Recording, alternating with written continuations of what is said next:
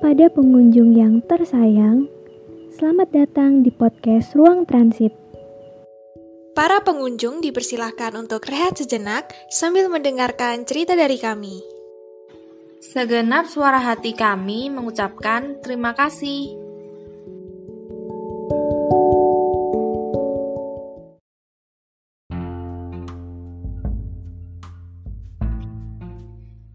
Kayaknya kita kalau lagi emosi harus tersalurkan.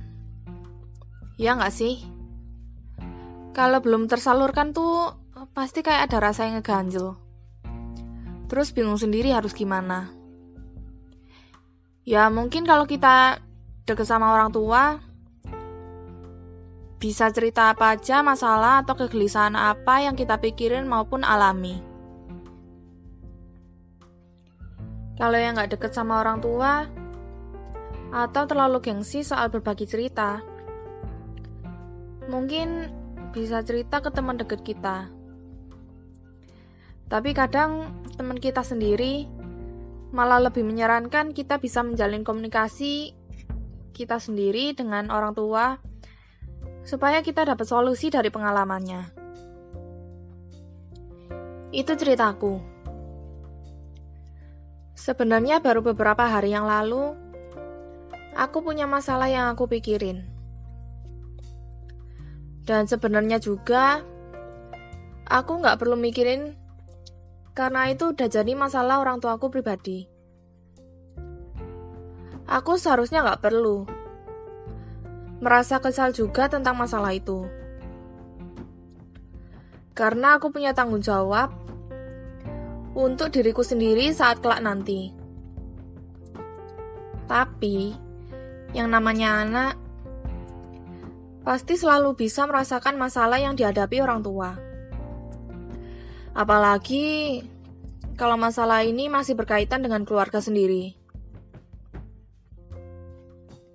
Awalnya, aku merasa masalah itu bukan suatu yang perlu dipikirkan.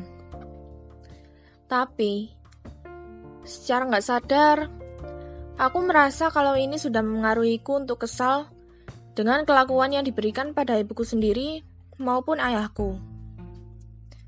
Tapi yang sering kena itu ibuku justru.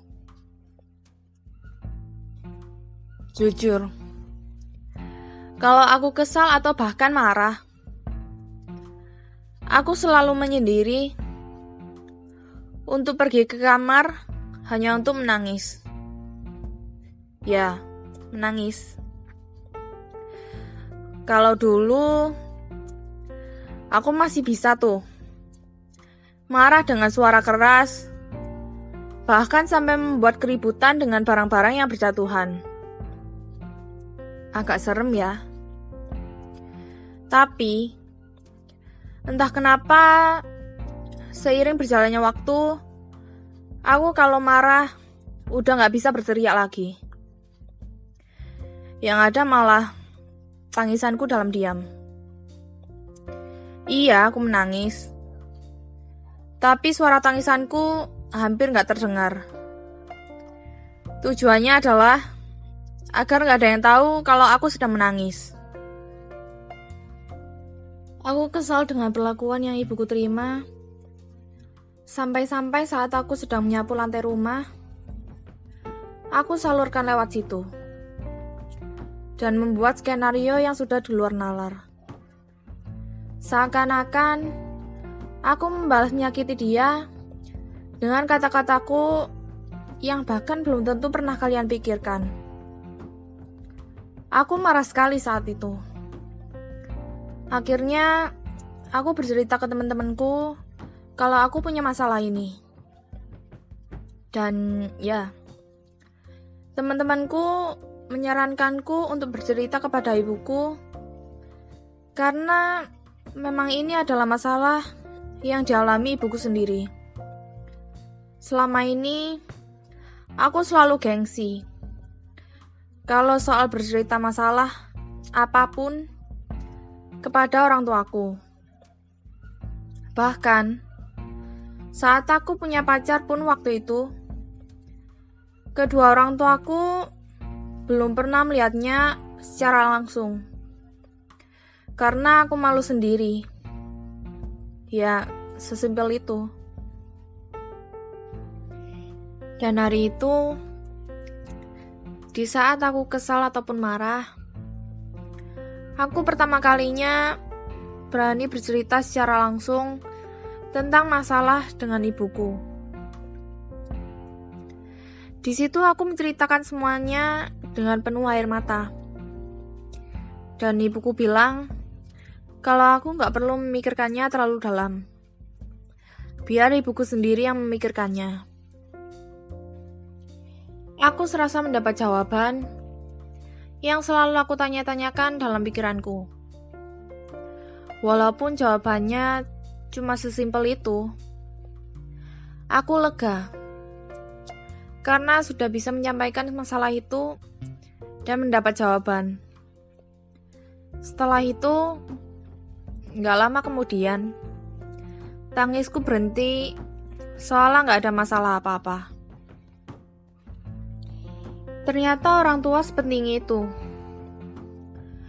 Walau cuma menasehati atau memberi saran yang seadanya bisa dibilang. Tapi itu sangat berpengaruh. Komunikasi dengan orang tua tuh sebenarnya sangat penting tanpa kita sadari. Sekarang coba hilangkan gengsi, hilangkan rasa malu untuk sekedar berbagi cerita dengan orang tua. Oh iya, FYI, waktu mandi aku bernyanyi sekencang-kencangnya saat gak ada seorang pun di rumah.